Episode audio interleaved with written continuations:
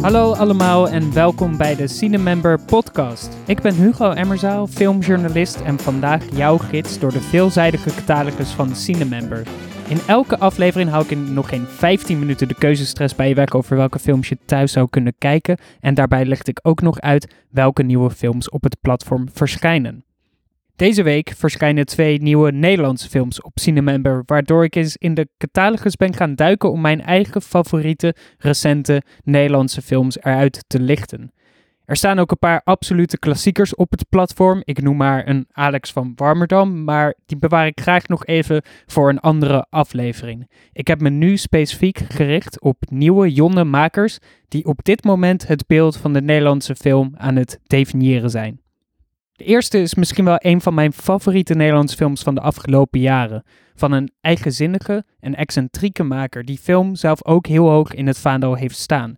Sterker nog, als je Nocturne van Victor van der Valk kijkt, lijkt het wel alsof de jonge scenarist en regisseur de kunstvorm film zelf aanbidt. En daar gaat het in deze droomachtige film dan ook gelijk fout.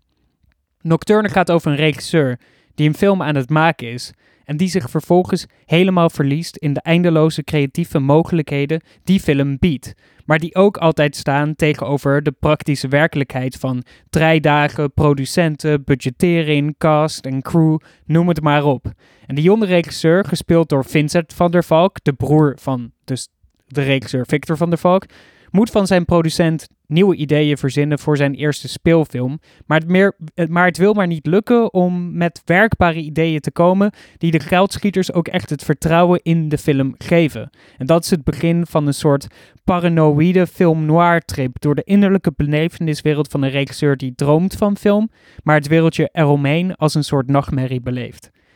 Het is precies die clash tussen droom en werkelijkheid die de film zo fascinerend maakt. En het is ook dat gevoel dat het ene niet zonder het ander kan bestaan, dat het verhaal van Nocturne voortdrijft. Wat Victor van der Valk hier eigenlijk doet, is een deel van zijn eigen gevoelens, twijfels en overpeinzingen over film als kunstvorm en als industrie omzetten in film, zodat het medium de hele tijd op zichzelf reflecteert. Het voelt bijzonder autobiografisch aan en geeft daardoor een heel intiem en ongebruikelijk inkijkje in het brein van een van de meest creatieve beeldmakers die we op dit moment in Nederland rijk zijn. En dat dubbele, verscheurde gevoel komt de hele tijd terug in Nocturne. Het is een film over spiegelbeelden en dubbelgangers en gespleten persoonlijkheden. Er wordt ontzettend sterk gebruik gemaakt van de casting ook, waardoor het dubbelganger motief ontzettend sterk wordt neergezet. Want als de tegenspeler van de regisseur in de film zich voordoet, zijn ze als twee druppels water. Wat trouwens ook een mooie Nederlandse filmklassieker is, waar ik het later een keer over wil hebben. Nocturne is dan ook een prachtige, fantasievolle metafilm geworden, die ook naar andere films van briljante regisseurs als Jean-Luc Godard en Leo Carac kijkt en delen daarvan imiteert, maar dan altijd zonder zijn eigen identiteit in het proces te verliezen.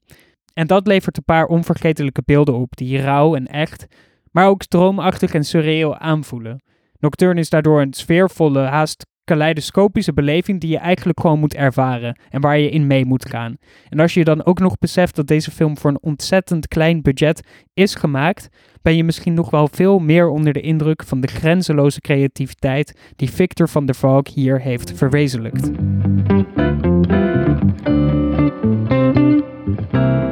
Een misschien even inventieve film, maar dan op een totaal andere manier is Quality Time van Daan Bakker. Over de opening van deze film wil ik niet te veel vertellen, want ik stond werkelijk versteld toen ik de film zag tijdens het Internationaal Filmfestival Rotterdam. Uh, maar wat ik wel met je wil delen is dat na de opening nog vier andere verhalen volgen in Quality Time, die thematisch allemaal met elkaar in dialoog gaan over wat het betekent om op dit moment jong te zijn. Over wat mijn generatie bij elkaar brengt en waar we collectief en in ons eentje binnen die generatie mee te maken hebben. Generatieportretten zijn er natuurlijk van alle tijden, maar wat deze film zo goed doet, is in elke van de vijf korte verhalen steeds een nieuwe stijl en esthetische vertelvorm aanboren. De opening wil ik dus niet verklappen, want die moet je echt zelf beleven. Maar daarna komen nog allerlei andere interessante beeldvertellingen aan bod. En één hele bijzondere die ik uit wil lichten is een verhaal over een jonge man die met zijn vader langs plekken van zijn jeugd gaat om daar foto's van te maken. Om zo op de een of andere manier stil te staan bij zijn jonge jaren. Het hele segment is met een drone van bovenaf gefilmd, waardoor het geheel iets weggeeft van een ouderwets videospelletje dat deze jongeman misschien wel in zijn eigen jeugd op zijn Game Boy of iets dergelijks heeft kunnen spelen. En dat vind ik het mooie van Quality Time. Daan Bakker vindt de vorm die bij de vertelling past en laat in de stijl ook altijd de gelaagdheid van de inhoud zien. Dus niet style over substance, maar substance together with style.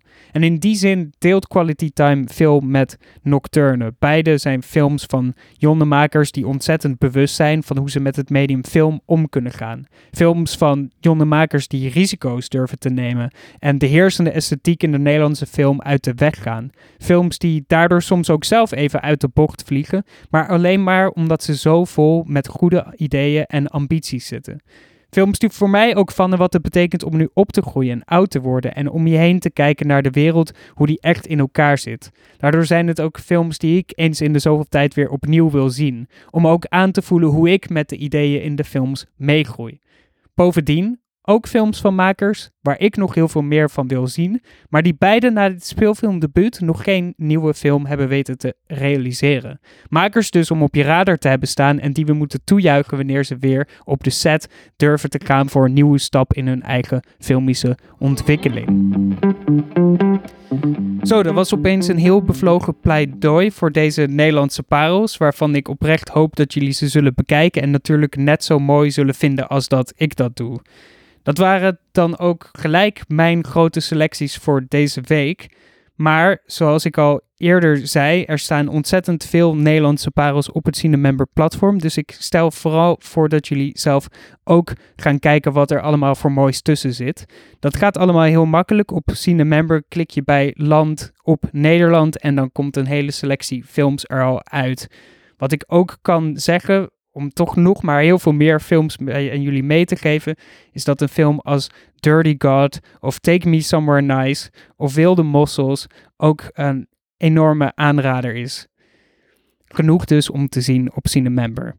En ondertussen zijn er natuurlijk ook nog de nieuwe films die deze week verschijnen. Twee daarvan, zoals ik al zei, zijn recente Nederlandse films. En de andere, derde film, is ook zeker de moeite waard. De eerste Nederlandse film die ook op het platform verschijnt is De Liefhebbers van Anne van der Heijden. Familiedrama uh, van de regisseur die in Nederland naam heeft gemaakt, vooral met jeugdfilms als Meester Kikker en Brammetje Baas. Maar hier dus ook een volwassen doelgroep uh, uh, aansnijdt. De tweede nieuwe Nederlandse film van deze week is Instinct, waar je vast ook van hebt gehoord. Het regiedebuut van Halina Rijn, die in 2019 het Nederlandse Filmfestival opende en vervolgens dus de regiecarrière van deze bekende actrice lanceerde. Boeiend om te weten is dat Halina Rijn inmiddels bezig is met het maken van een horrorfilm in Amerika met een fantastische cast. Dus als je haar carrière in de gaten wilt houden, kan ik Instinct van harte aanraden. Ook door de grandioze rollen van Chris van Houten en Marwan Kenzari, die beide ook internationaal inmiddels zeer bekend staan. De derde en laatste toevoeging van deze week brengt ons weer van Nederland naar Amerika, naar The Rider van niemand minder dan de recente Oscar-winnaar Chloe Zhao. Dit is de film die Zhao voor Nomadland maakte.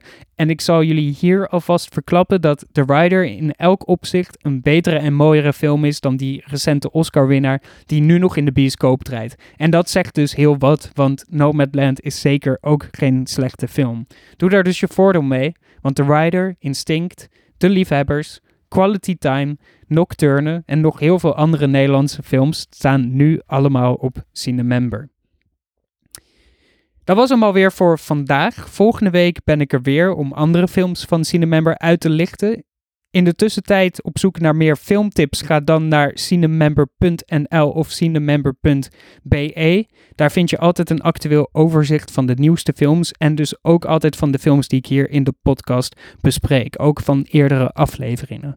Op de ontdekken pagina kan je daar ook gelijk je eigen filmselecties maken en zelf je eigen filmmarathonnetjes inplannen. Voor nu wens ik jullie alvast heel veel kijkplezier en tot volgende week in een nieuwe aflevering van de Cinemember podcast. Bedankt voor het luisteren.